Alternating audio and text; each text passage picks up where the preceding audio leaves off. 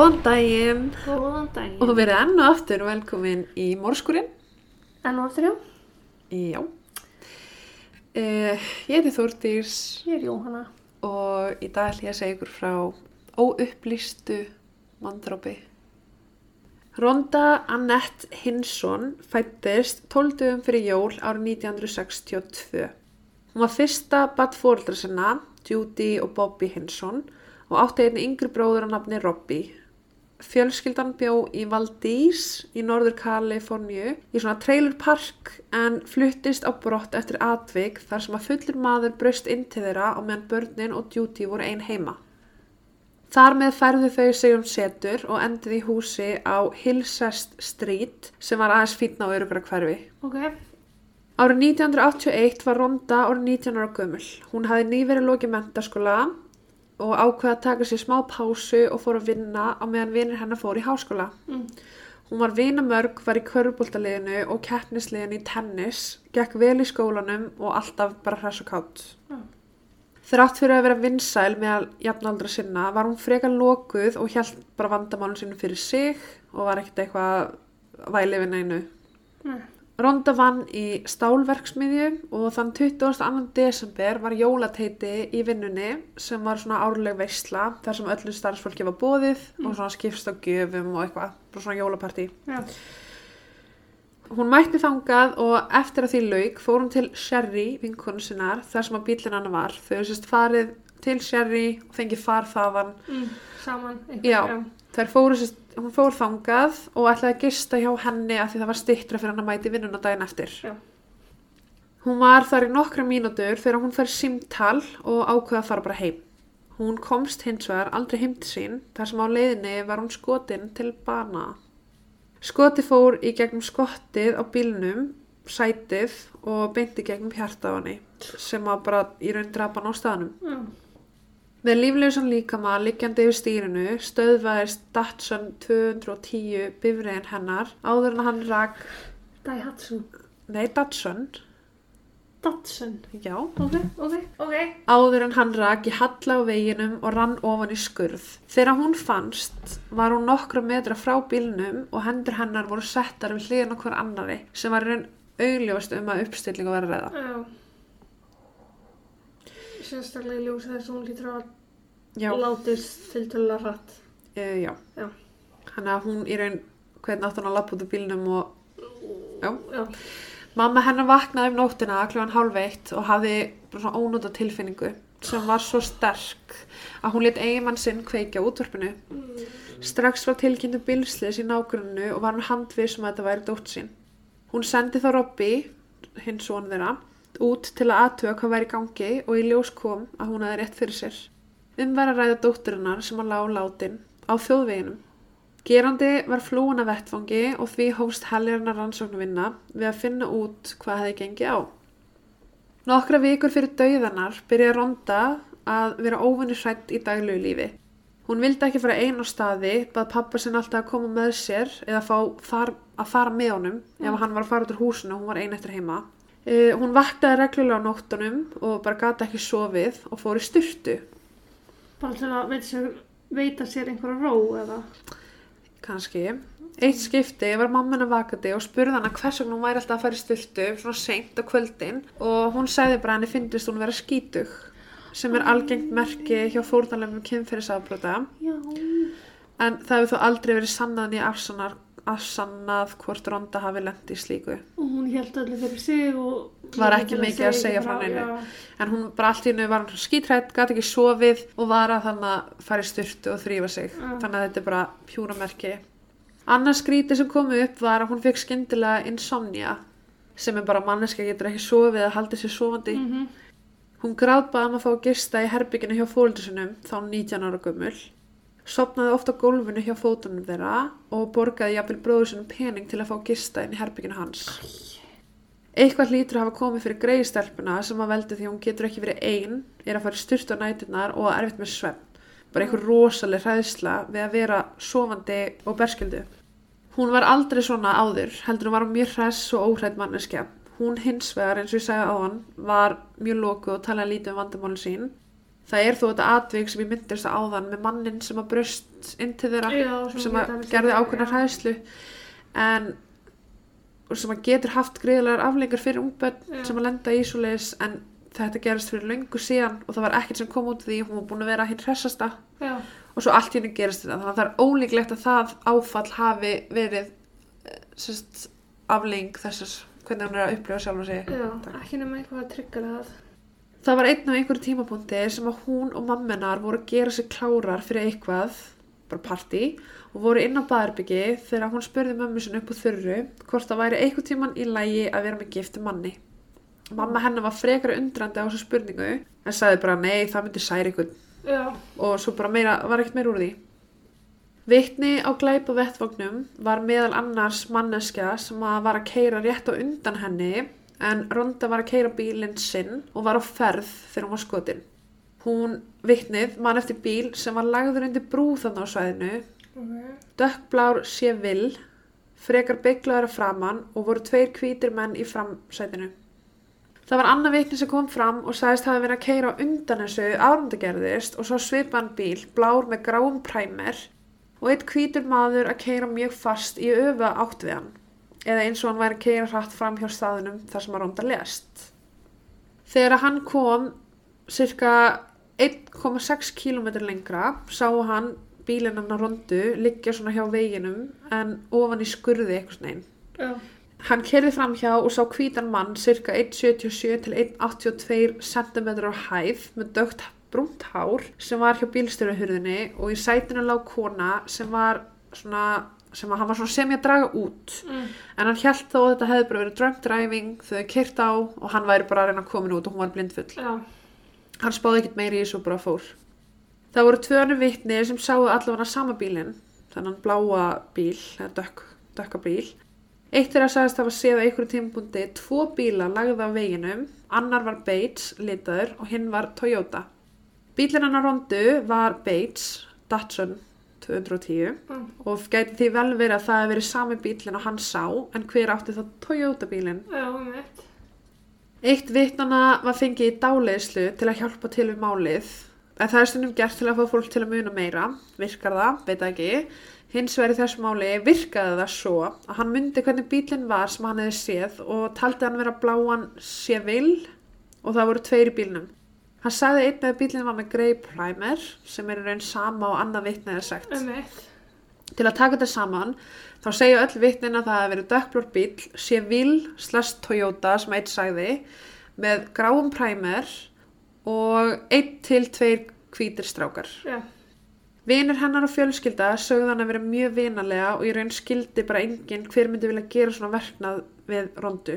Hún átti enga óvinni, hún var ekki að leggja fólki einelti, allir þekkt hana enda lítill bær og hún hefði ekki gert neinum neitt. nei, Fólk held þar með að þetta væri slis eða óhapp að einhverju krakkar hafi verið að skjóta hann í nágrunnu og það er bara óvart farið í hana eða þá einhverju veiðimann á svæðinu sem að hefur verið að skjóta. Önnur kenning komið upp meðal fjölskyldu og lauruglu að hún væri mögulega að hitta giftan mann vegna spurningarinnar sem að hún varpaði á móður sinna áður fyrr.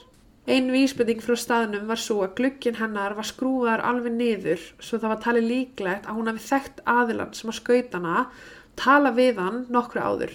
en það var skoti í gegnum skottið. Já, Já. það er sérst gert ráð fyrir að hún hafi hitt einhvern, tala við hann í gegnum rúðuna, lalala, sjáust, keitt á stað og verið skotin. Já, skilji. Aðilinn sem skaut hana var þá bak við hana Já, og gæti þá verið hún hafi verið að spjalla við eitthvað sem hún þekkti og bruna Kannski sá hún eitthvað sem hún átti ekki að sjá, mm. maður veit ekki. Það var undarleg tilvílun sem kom upp þegar flett var í gegnum árbúkina frá 1980 í skólanum sem hún hefði verið í. Sérst þetta gerist 1981, mm árun áður var hún í skóla, þarna var hún bara að vinna. já, Þar var handteiknum mynd af skittu sem að skauta bifreið aftanfrá.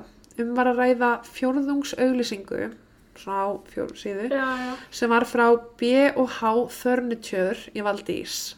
Breytt hafi verið stöfunum í B plus R House sem staðsett, staðsett í Hildebrand í Norður Karlinu. Fyrir neðan var svo handskrifað Bang Bang sem að byrtist yfir húttun á bílnum og stóð B.R slash duck. Sérst það var búið að teikna bíl já, og mann að skjóta í bílinn í húttið ok. og hjá bílnum stóð Bang Bang. Það var bara einhver úr skólanum sem að teiknaði þetta Mm. og þetta er bara nákvæmlega sem að gerast fyrir rondu og svolítið skrítið að fara að teikna upp eitthvað atbyrður á sér að vinkona í, henn dó. í hennar eigin að þau, þau skiptast á árbókum skrifa skilabók Nei, þetta var sérst fjölskyldumæðlumur var með þessa árbók heima á sér, eitthvað frændunar já, en hann vissi ekki hver hefði átt hana, hvar hann hefði fengið þetta, hvaðan þetta kom. Já, ok. hann bara var að fletta eitt um hann í gegnum hana og sá þetta. Já, og það var ekkert vitað um hver þú veist, þær eru bara út um allt í skólanum Já, já, og allir að skrifa um orðum mann og eitthvað. En það var eitthvað sem að skrifa þetta í bókina hans. Já, en já, sérst bókin tilhyrði þessum frændinar og hann var einmitt í og hún. Uh, en hann bara vissi ekki frá hvernig hann fekk bókina niður hvernig teikningin komst ánga Uh, það sem var þó ljóst er að einungis einu skoti var skotið á rondu sem að varð hennar bana. Því mætti að halda að manneskjan sé annarkvort veiðmaður eða rosalega góð skitta já, eða þá bara skoti hafi ekki átt að fara í hana heldur bara að einungis hafa átt að hræða hana. Já, hvernig hittur þú bara akkurat í hjartað á manneskunni í bíl á ferð? já, já. Ronda átti kærasta. Ég er búin að dræði langin að segja þetta hann hétt Gregory Lynn McDowell þau byrjuðu að deyta á fyrsta árinu sínu í mentaskóla og voru bara ástfangin strax frá fyrstu sín hann Eða- hefur væntalega ekki verið giftur maður. Nei, nei, ok, hann skrifaði henni ofta tíðum bref og geymdi fóreldra hennar brefin, bara áfram eitthvað svona ástabrif þá já, ástabref, mjög sætt Já. Þau voru 25 talsins og svona þrjú kort. Hún var star athlete, var bara svona íþróttamannskjarni í skólinum, hann Já. var heiðusnefandi og þau voru bara svona vinsælt par á meðal aldrei sinna. já, Þegar hún var hjá vinkunni sinni kvöldi sem hún lést, fekk hún símtal frá honum. Vinkunan er heyrðan að segja, oh, I guess I better go then, í síman hún fór. Hún myndist á við vinkunni sinna að hún og Greg var líklega að fara að hætta saman og ógust að heim, eða svo sagði hún. Brefin sem hann sendi henni voru mjög sætt. Hann kallaði hana meðal annars Fussy Lassie. Ég veit ekki af hverju. Mammenar talaði um hversu hamingi sem hún var en það breyttist þó á öðru ári í mentaskólanum og byrjuði brefin frá Greg einnig að vera svona meira ókveikjandi en þó ástriðufull en bara svona yfirgangsmikil. ó, ok, Hann var að verða afbreyð samar út í hana, skrifaði henni meðal hans bref þar sem hann baðast afsökunar á einhverju sem hann sagði, segir bara ég vona að þú getur skilið að þegar ég sá hann já, uh, þá fannst mér eins og væri eitthvað í gangi milli ykkar. Ef það er ekkert, þá hlýtu þér að vera sama ef ég lem hann í klessu og bróskall. já, Hverja Greg? Þetta er svo mikið passive-aggressive Já. dæmi. Uh, sendi henni bref þar sem er bara eitthvað sorry fyrir þetta um daginn. Veist, ég ætlaði ekki að vera svona, ég þreyttur þykir þetta liðilegt ef við ekki bara bæði að vera mjög næs við hvort annað? Bara takk fyrir að skilja. Uh, sorry aftur. Og segi bara komdu að hitta mig, þau voru sérst alltaf að hittast í skólanum á okkur ákveðnum stað í mat og svona. Já, og bara komdu að hitta mig þarna morgun. Fáum okkur mat saman. Og sjáumst. Mhm, en þetta er alltaf 1981, það var ekki beint símar.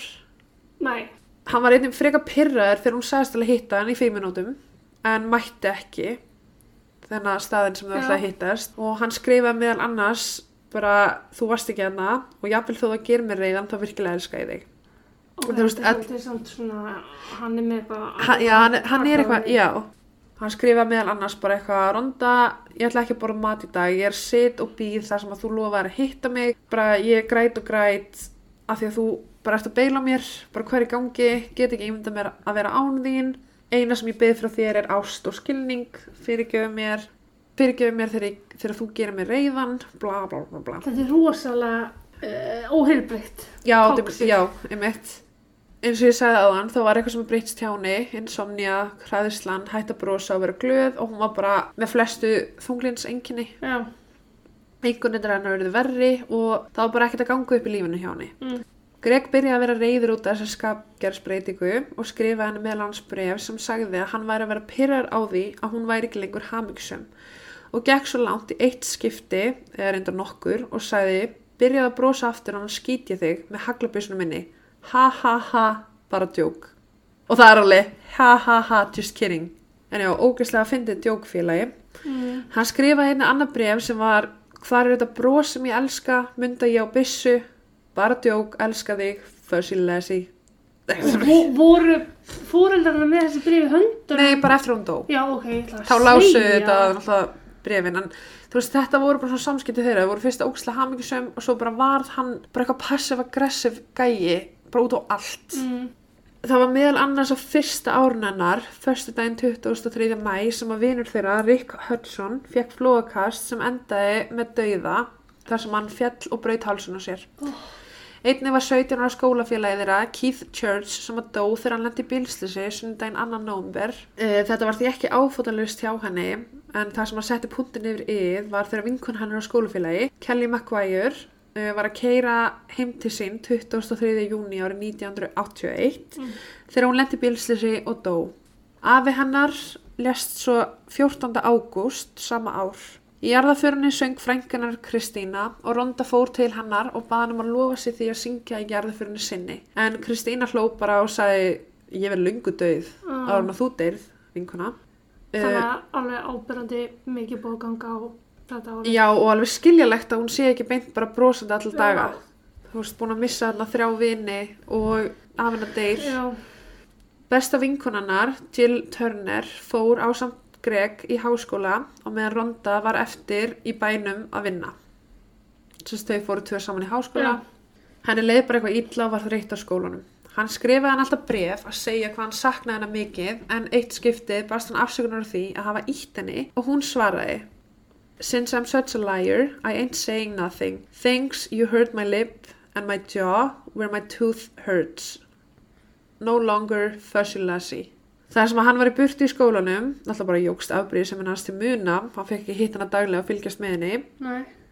Þegar hann kom í heimsók til hennar skoðaði hann dagbökunar hennar og fylgdist bara mjög vel með henni, bara nánast eldana. Hann var bara með þráhyggju.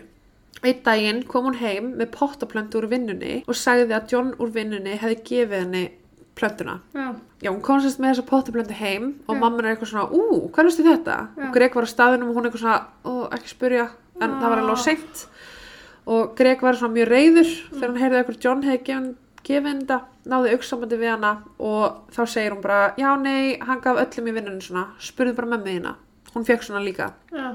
Sérst, mamma hans Greg og hún voru sérst að vinna já. En að þurfa að útskýra það, Já. já. Hann kom þetta á að hún hafi bætt á sig kílóum og sagði meðal annars í einu brefi, eins gott þú missir tvö pund áður en ég sé það aftur, eða pounds. Hann var einni, Skítið eitt kíló eða eitthvað. já, hann var einni reyður ef hún kefti sér eitthvað, ánum þess að kaupa eitthvað handa honum, þar sem að hún var í vinnu, átti peninga, hann var bara í skóla. Hann taldi þá að þegar hún eitti peningunum í sjálfa sig, væri hún að eigða þeim í drastl og hún lét hann oft heyra það. Þessi gæi er bara pjúra narsisti og Hér eru bara með skólabókardæmi yfir hvernig sambandi er ekki að vera sko. Emmett, en wait a minute. Ok. Bílinn sem hann kerði var, viltu gíska, Blár. blár Nova sem í raun lítur alveg eins út og sé vil. Ok. Þess nú geta hann var beiglaður að framann Jæja. og var með primer. Þetta er alltaf eitthvað ábærandi í útliti bílsins og þetta Já. ekki á mjög mörgum bláum Nei. Nova bílum. Vittin höfðu jú sagt sé vil en að nætutíma getur fólk stundi verið rugglað og þar sem bílarnir líta eins út er ekkert ólíklegt að þetta hefur verið bílinn hans, Nákvæmlega. þessi Nova. Með bygglunum. Þú veist, hann er afbrýðisamur, kannski var hann að skinja eitthvað að vera að, var hættur um að missa hana. Búin að hóta. Já, þessu er þó ekki lokið. Uh, Charles McDowell, presturinn í bænum og fadur hans Greg, eða tengdafarinn að rondu, var ekkert minna skrítin heldur en sonu sinn enda ekki langt fyrir Greg að sækja. Mm. Mánuði áður en ronda dó var út að borða með Jill, vinkonu sinni, og sagði henni frá degi þar sem að hún og Greg voru að spila körbólta heima hjá honum. Þau fóru inn og hann ákveði að fara í styrtu enda vel sveittur eftir æfinguna en á meðan var hún inn í eldúsi þegar skyndilega kom einhver og greip utan um hana aftanfrá. Nei. Hún held að væri Greg en það reyndist vera Charles. Tengdu pappin. Já, bara ógef, Já. ég veit ekki hvað myndi gera. Ég var tegð, já, ok. Nú sem myndi snúa mig að smetta. Nei, komandi. Sko, ég myndi bara forða mér, þetta er ógeðslega vandræðalegt dæmi. Já. Óviðjandi. Já, uh, hann var mjög creepy gæi en stundum þegar Ronda var á baðherbygginu heima á þeim átti hann það til að standa beint fyrir utan hurðina og svona býði eftir henni. Új. Já, Ronda átti frængu sem bjóður um bæ sem hétt Kristína, Mm. frængun úr, úr jarðafyrni og var eiginlega svona trúna maðurinn hennar en það þekktu þær hvorugar fólki sem umrætti þegar þær hittust og því opnaði hún sér meira af hana heldur en aðra. Að, já, bara eitthvað svona, já. Pétur hún veit ekki svo hver þetta er. Já, hún sagði henni meðal hans frá því að hún væri að reyna að forðast Charles tengdi pappa sinn mm, og þegar hún er í matheimi af fjölskyldinni þá sest hún alltaf eins langt frá hann hún getur því hann hefur nokkur sinnum sett hendin á lærið hennar undir borðinu ef hún er við hliðin á hann já, einmitt. Konan hans var mjög virt kona innan samfélagsins, vann með rondu en talaði svo sem ekkert mikið við samstarfsfélaga þar sem hún var frekar svona uptight og snobbuð Mm. kona. Hún neitaði að trúa því að fjölskyldan hennar hafi haft eitthvað með morðið á rondu að gera. Mm, Nokkrum árum eftir að ronda deyr uh, kom upp um Charles uh, hann hafi verið að ha- halda framhjá með öðrum konum. Uh, hann setti meðal annars upp auglýsingu á engamál og lauga manneskinu sem svaraði henni. Þau byrjuði að hitta svona 2-3 mánuði. Hann sagði henni að hann var ekki giftur til að byrja með. En seinna þegar hún, henni fór að grunna eitthvað mm, þá breytti hann sögunni í að hann var giftur konu með heilabilun sem að væri bara geðveik og inn á heimili. Ok. Sest, hún er bara, hún er ekki til staðar Mm. og jú verum gift að þeim þykir væntum hana en auðvitað þarf ég að halda áfram með líf mitt. já, já, En hún var það ekkert, Nei, hún var bara að vinna, já. Þegar hjónin hefði skilið eftir þetta og hann var fluttið burt en kona sem að leiði gamla svona P.O.boxi hans, það var allir með svona P.O.box, byrjaði að fá skrítin post sem að var stílar á hann og meðal annars var það tímarit frá undirfattaverslun og bref frá einhverju vændiskonum með myndum og texta sem er svona come see me when you're in town. Svona, eins og hann hafi hittar áður. já. Uh, eins og ég sagði á hann þá voru Ronda og Betty McDowell að vinna saman. Uh, þegar settur var upp skráningalisti í vinnunni yfir þá sem ætla að mæta í jólateitið beið Ronda með að skrá sig til að sjá hvort Betty, Charles eða Greg ætla að mæta því að hún ætlaði þá að hætta við en vildi ekki að þau vissu það. Já, ok, þegar hún sá að þau ætlaði ekki að fara skráði hún sig. Ok. Betty sá það og sagði henni að þau fjölskyldan myndi mæta líka tím. Ronda svaraði því með bara, æ nei, ef að Greg kemur þá get ég ekki tala við neitt. Þú veist, hann væri svo reyður ef ég tala við einhvern annan en hann. hún er ekki kannski búin að finna kjarkin í að slita sambandinu með honum á þessum tíma punkt. Hún þó ekki hægt við þarna því náttúrulega Betty veit nú hún alltaf að fara Já, og ákveða að kaupa sér ný föt en vissi að ef hann myndi komast að því er hann brjálegar út í hana. Hún sagði meðal annars frá því að við frængu sinna ef hún kaupir sér ný föt þá þarf hann að þvó þau tvisvar til þrisvar svo Greg fatt ekki að þetta eru nýjar flíkur. Greg hafi hringt í hana fyrir veisluna og reynda svona gildtrippa hana í að hætta við að fara vegna þess að hann var ekki að fara með henni. Þess að McDowell fjölskyldan ákvað skyndilega að hætta við ok, hún bara eitthvað, "Herra, ok, geggjað og farin. já, hún alltaf Greg var eitthvað svona, viltu ekki taka mig sem pluss einn? Og hún bara, nei, það er ekki þannig, bara fjölskyldur. Og hann eitthvað, mamma er ekki að fara hann ég kemst ekki. Og var bara eitthvað svona þú ert ekki að fara, þú ert bara heima með mér. Mm, undir smásjónum minni. Mhm, en hún bara leta ekki stoppa sig á okkur samt sem ára að fara og skemmt sér. Þó það hafi nú því miður verið að síðasta sem að hún gerði. já, hún fór í veisluna skemmti sig bara mjög vel Já. og fór síðan heim til vinkunum sinnar það var eitt skipti sem að Greg og Ronda ásamt Jill vinkuna hennar og Mark kærastanum hennar fóru í svona couple getaway Ok, Greg og Ronda fóru að rífast af því að hún vildi ekki sofa hjá honum svo hann fór á ströndina til að reyna að finna sér nýja stelpu Þess, þetta er bara ógæslu gæi Ugh. þú veist, þetta er bara til að lýsa hversu ógæslu gæi var ef, Mhm. ef það var ekki komið skipt fram já, mitt. Uh, það var sérst einn dagur sem þær maður fóru að versla nýföt eftir að hún hafi fengið jólabónus frá vinnunni. Þetta var mjög góð dagur hjá þeim og mann móðurnar að hún var mjög hamingsum en þær myndust ekkert á Greg. Það var þá sem móðurnar sagði að klukkan sé væri orðið margt og þær þurfa að láta farin að vita hvar þær eru. Hann er örgulega komið þeim. Þá strax breyttist andrúsloftið, Ronda var mjög tens og sagði ef að Greg er búin að ringja og hún er ekki búin að láta vita af sér þá var hann brjálæður. En hann var í háskóla í öðrum bæ, náttúrulega hana, var Já. heimsókn yfir jólin. Já, og það er svona hafið panikað, byrja að svitna og kerið bara mjög hratt. Og móðurna sagði við þú veist, við erum nú þegar seinar, slaka á. og hún bara kveikt á útvarpinu og bara hljóðlót alla ferðina, bara reyndi að drífa sig heim. Þegar þær komið heim staðfesti bróðurnar Robbie þessar áhugjur og sagði Rhonda, you had better call Greg. He's been calling all day and I think he's mad þú veist þetta er bara uh, nú, veist, nú er ég bara að fara yfir svona alls konar, þetta er, þetta er engin ein tímalína Nei. þetta er bara svona alls konar einhvern skrýtni hluti sem átt sér stað Já. En við erum sammála um það að við höldum að kærstin hafa gert það. já, Já. það sem að þótti einnig einkennilegt er að þeirra fóldra hennar eftir andlátið ringdi í Greg til að tilkynna honum að hún væri látin og byggja hann um að koma heim til sín þá tók það tvo tíma að það er aðeins kortis keisla á milli heimilina Já, ok. Þegar hann mætti lóksins var hann nýbúin styrtu og búin að raka sig eins og hann hafi ekki haft neitt betra að gera. Já. En í raunveruleikunum var kærastæðin nýbúin að vera myrt og fjölskyldan er að byggja þeim að koma heim Ó, já, ok. og hann bara eitthvað er ronda dáin?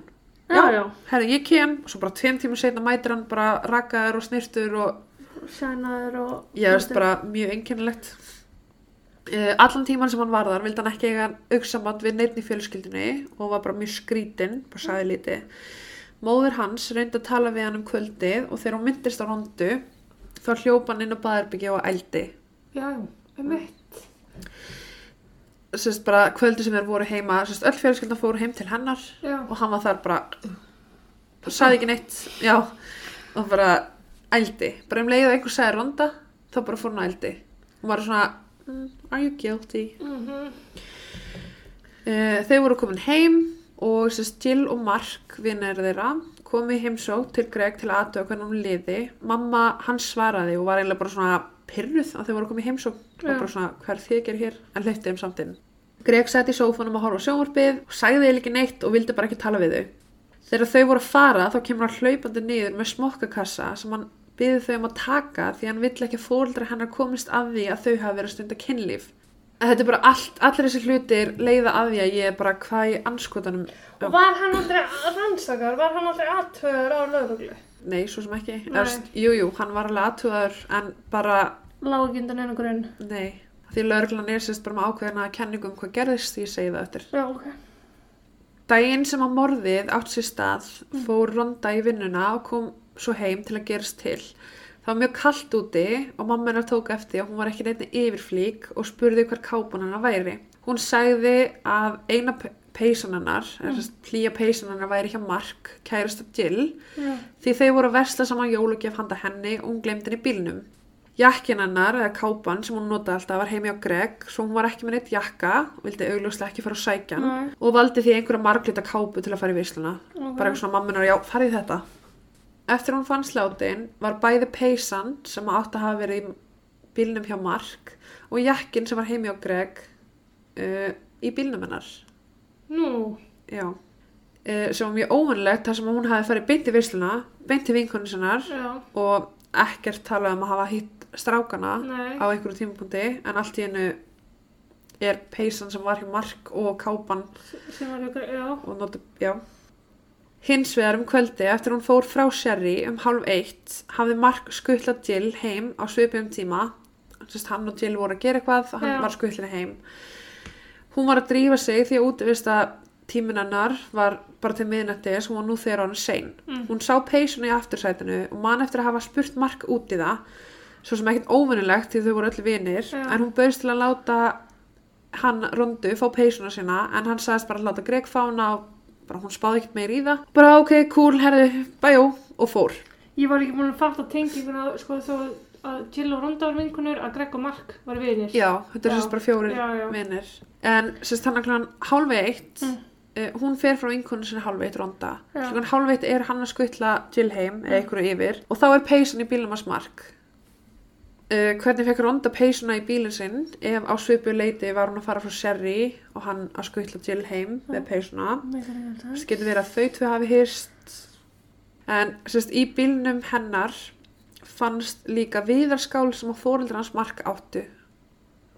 Ok, Ronda var vön að hafa bílinn sinn mjög hreinan og ekkert óþarf á drasli. Sérst, Hún þreif hann daginn áður en partíið var. Og þegar hann fannst voru nokkru hlutur í bílnum sem fólk sem fólki þóttu bara óvinnilegt, hún var hún er ekki ég, hún er ekki með heimilin sitt í bílnum, þetta var Nei. bara svona neat and clean. En meðal hluta sem fundust voru bleikt veski og í veskinu var nóta frá Hickory Steel, vinnustannum hennar og mömmans, já, með blaði sem að stóð ég elskaði alltaf Lassie, hveða Greg. Ok. í brúnu veski var annar með sem stóð Happy Halloween, Pope you better not get fat off this, Greg það fannst einni Já. Það fannst einnig jólagjöf til Róti frá Sherry sem náttúrulega bara vinkur hennar Sherry, það kvöldu ykkur hennar eitthvað. Bleikur snákabangsi sem hún hefði fengið frá Greg, penni, hvít peysa, blátt versti, hvít hangklæði með blómum, tvær reglífar, sólgluru, blokk, með teiknumyndarsaga og svo eitthvað sem nefnt. Já.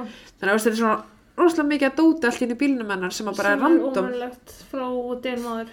Já, og það er svona leit út fyrir því, út fyrir það að hún segir vinkonu sinna þegar hún fara símtalið, ég held að ég og Greg sem að fara hætt saman. Já.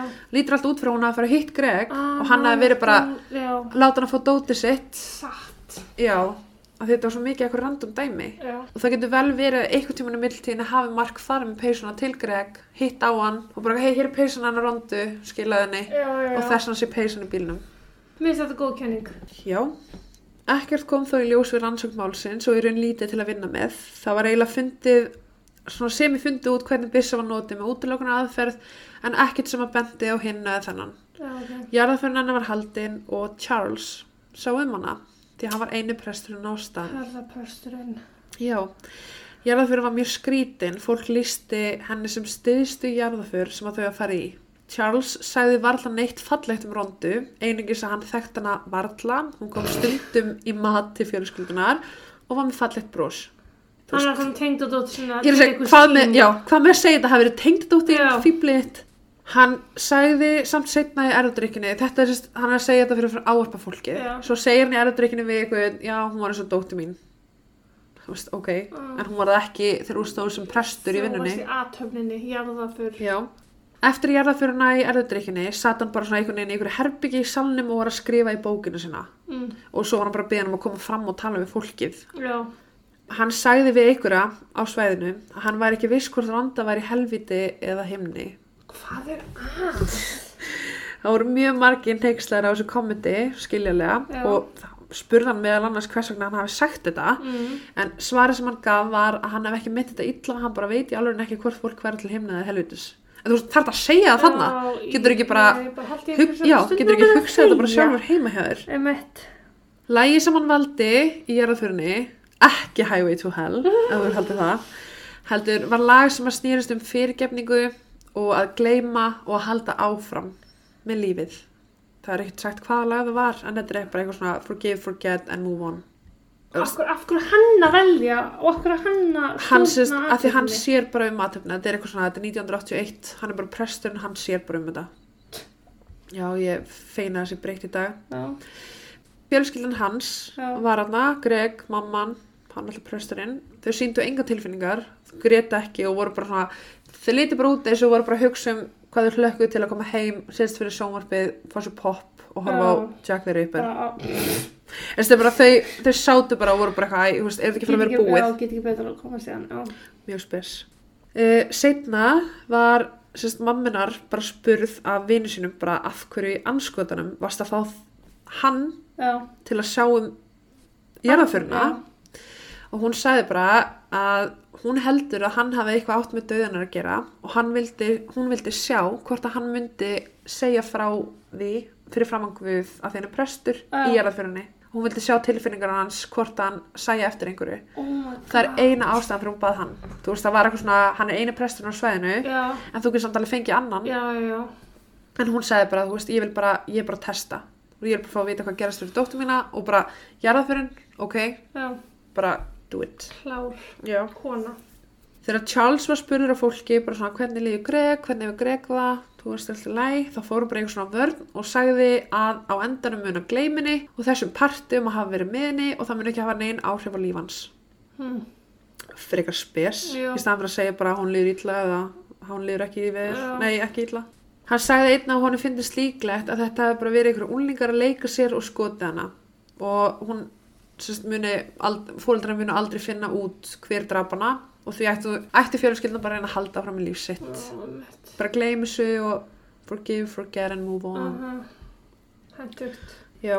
Fjölskyldan réði einhversbæra til að kafa dýbra í málið og reyna að finna út hver gerði þetta. Hann tók allt upp og eitt skipti bara sérst, hann tók allt upp sem hann fann og var að tala við fólk. Eitt skipti kom Charles yfir til fjölskyldunar og spurði hvers vegna þau heldu að hann hefði átt hlut að dauða hennar. En alltaf hann var bara, herðu, ok, þessi gæi er alltaf í kringum mig, Mhm. þú veist, það er eitthvað í gangi. Já. Hann sagðist elskana eins og sína einn dóttur og að Betty, konan hans, hafi reddað henni vinnu, svo hann skildi ekki alveg hvað var í gangi. Þau ættu bara þakkunum fyrir það að þau fjölskyldan komu svona vel fram við hana og reddu henni vinnu. Já, sjálf hvar verið ógíslegur og svona sinns. Já, en það var ekki svona þau sem að reddu henni vinnu, heldur bara sögðu um en staðurinn, sem þeir bara réðuna því hún var döguleg stelpa og það hafði ekkert með Betty að gera. Nei. Móður hennar spurði þá hversuna hann hefði sagt að hún var í helvíti og hann sagði að það væri fullt af góðu fólk í helvíti. Hann var spurður hvað hann var að gera daginn sem hún dó og hann sagði að 22. desember árið 1981 kom hann að morðvettvangnum og hjælt að hún hafi kert út af.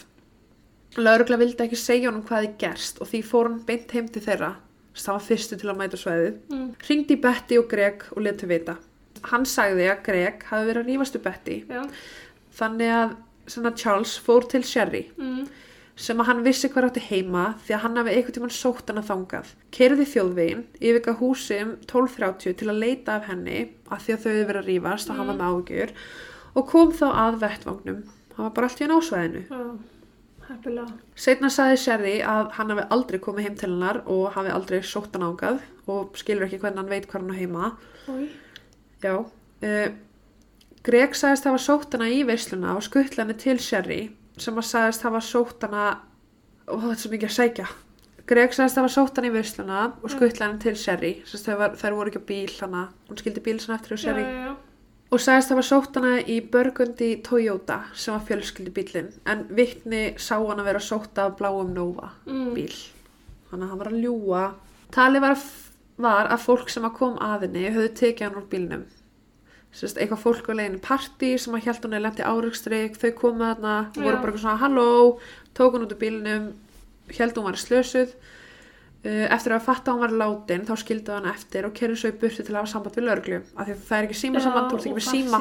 en þau þau er samband við lauruglu og bara vildi ekkert koma aftur hugsaðu bara laurugla sér um þetta. Það fannst DNA á peysun hennar sem var mjög líklega eftir manneskina sem að tók hann úr bílnum. Já. það var alltaf bara sett í gagnagrunn og hefur ekki til dagsins í dag verið para við DNA af einhverjum á svæðinu tala var við þrjá miðla og sögðu þeir flestir svipa sögum að þetta hafi verið ástriðglæpur eða mjög líklega greg. Þriðji aðilinn teiknaði upp myndir af tveimur aðilum sem að hún sá í draumum sínum og var einn alveg eins og greg á meðan hinn var alveg svo feið nýja kærastannars Mark en Mark og Jill hefði hætt saman vegna þess að Jill var ekki að komast yfir dauða vinkunni sinnar og Mark var hann þreytur á því. Æ, góði. Já. Frá 1981 til 1987 voru að minnsta kosti fjórar ungar konur myrtar á þessu svæði Mm. og öll mál eru óupplýst. Meðal þeirra er frængana Rondu, Angela Han Hamby, sem að hvarf árið 1982, árið eftir að Ronda deyr. Já, þannig að það er fjóra unga konur myrtar á þessu svæði Mm. á þessu tímabili, en hvort það er að tengja þetta saman veit ekki, þau reyndu það, en í rauninni er það bara ljóst að þetta er aðili sem að einhvern, hafði ætlað sér að skjóta á hana. Já. Það var líka tekið fram að árið 1967 var Nancy McEvan að keira þegar hún skyndilega stöðvaði bíli sinn. Lörglumar kom á svæðið og fann líflösa líkama hennar og hringdi sjúkrubíl. Hún lést á sjúkrúsinu en læknar fundi skotsár á hlið höfusins. Hún var með eina bílrúðu opna og enga bílrúðu brotnar, líkt um rondu. Það var sérst hún var skotin aftan frá í hausinn og bílrúðan var opin. Leita var í kringu svæðið af skotilkinu sem fannst þó aldrei. Þeir fundu bensinstöður eigandi á staðnum sem að var í bátnu sínum þennan dag og var að taka markaðingar á bjórdósum í sjónum. Ein af kúlunum hans bara skaust af yfirborðið vassins og í bakið í Nancy. Þetta var úrskuraslis og fekk hann ekki á sig mandrápskæru, heldur var sektaður 100 dólara fyrir brot á skopvopnarlögum. Skaut í vatnið. Já, hann var, sérst, hann var, með, hann var út á bátnu sínum Já. með bjórdósir í sjónum Mm. og var að æfa sig að skjóta í bjórdósinar í sjónum. Já, já, En ein kúlan fór í vatnið eins og var sagt, Já. verið bjórdósina, já. skaust tilbaka, Og í bakið á Nancy. já, sérst, í Nancy sem var að keira Þannig bara svona freak accident. já bara ég trú ekki að það hafi gerst þetta ætti að vera ómögulegt sko Já. en þú veist þetta gerist þó og þar En lendi að og annað. já þetta stemdi allt saman sko og hann Ok. myndi eftir því að ein kúlan skoist hann bara spáði ekki í því fyrir hann sá andlátt og bara eitthvað uh. Ó. en þar lendi halda margir að máli hennar rondu hafi verið slis Nei. það var og ekki. enginn þóra að koma fram sögum þess að það er ólöglegt að vera með skotvopn og gera þetta og fólk vil ekki fá þessi 100 dólar Þú veist, ég skal borga hana í guðnabænum en ég er samt sem áður 199% vissum að Greggaði pappin. ég, já, Eða samblanda, þeir tveir, báðir hvítir menn. já en þú veist að þetta er svo mikið bara, Ég held að tengdi pappin hafi gert. svo eru sko líka kenningar um það því að tengdapappin var giftur maður. Mm. og svo er talað um að hún spyr bara er slæmt að vera með giftum manni? Já, hann er augljóslega búin að vera að reyna við hana. Já, hvað ef hann bara reðst á hana og nöðga henni? Já, og hún er bara allt í hennu skemmt, náttúrulega út af þessu vil náttúrulega ekki mæti verslun og eitthvað hún er með Greg, hann er giftur og Mm. hún er svona að spyrja mömmu svona þú veist að því að á þessum tíma er bara ekki lægi að vera með giftum manni, Nei. það er ekkert eitthvað þegar hann nöðgað, þú veist það, það er bara svona, þú vildir þetta þú veist að skuldin er alltaf á fórtanlampinu og náttúrulega er enn í dag já, en í dag, sko. þannig að just, ef að þetta gerðist þá hugsa hann kannski bara ok, það er enginn að fara að trúa mér að þessi prestur í bænum hafi komið á mig Nei. frekar mun fólk halda ég að vera með giftu manni er það ást, eða þú veist. Já, ég held að, og svo getur vel verið að hann hafi verið á rúndunum að því hann kom að morverðnangnum mhm, af hverju er hann að keira svo seint? Jú, að því hann heyrði Greg rífast við hana. Þau áttu ekki yfir til voru ekki í þessi partí en eitt. nei, En ég held að pappin hafi gert Ronda eitthvað og Ronda hafa hann eitthvað sagt Greg frá því og Greg talaði pappa sinn og þeir tekið þessi ákvörðun. að því að Greg mögulega hitt hana Já, að því að hann leta hann að fá allt þetta dót. Nákvæmlega.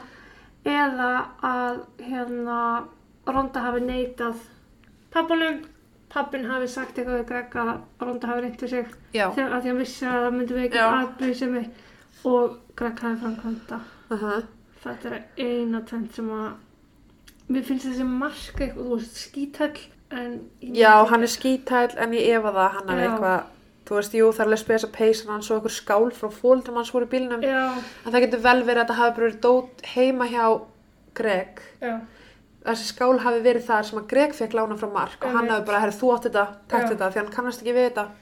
Ég bara, þú veist, einhver skilur venjuleg útskýring á því.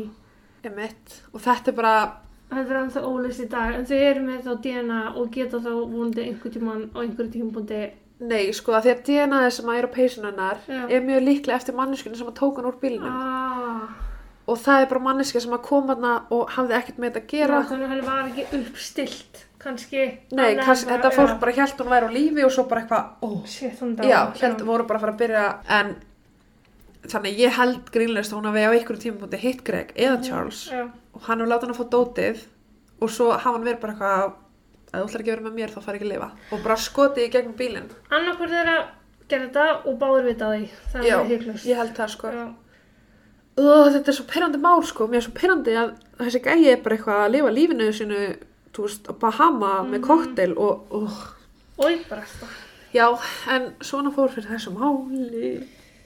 Já, Ég var alltaf mjög mikið til að vita hvað ykkur finnst. Þið, Þið eru pottþétt á sama sammála, bát og við, já, sko. en ég væri til að vita hvort þið hafa ykkur aðra kenningar. Eins og ég sagði þið í þar síðasta þætti mm. augljósasti maðurinn er ekki alltaf morðingin nei, þannig að þú veist það er alveg eins og með Natalie Bollinger það var virkilega afbröðu mál Já. Satt.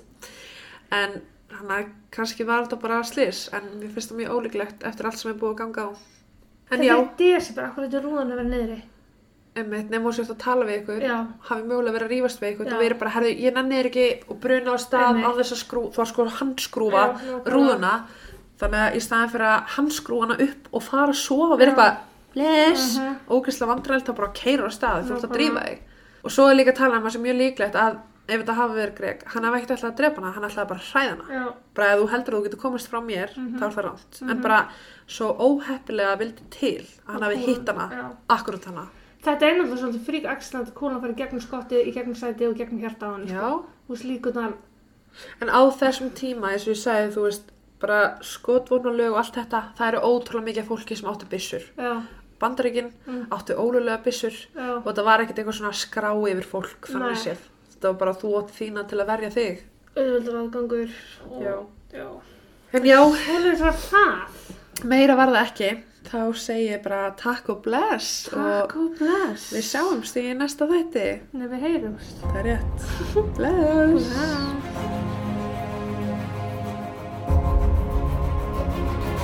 bless.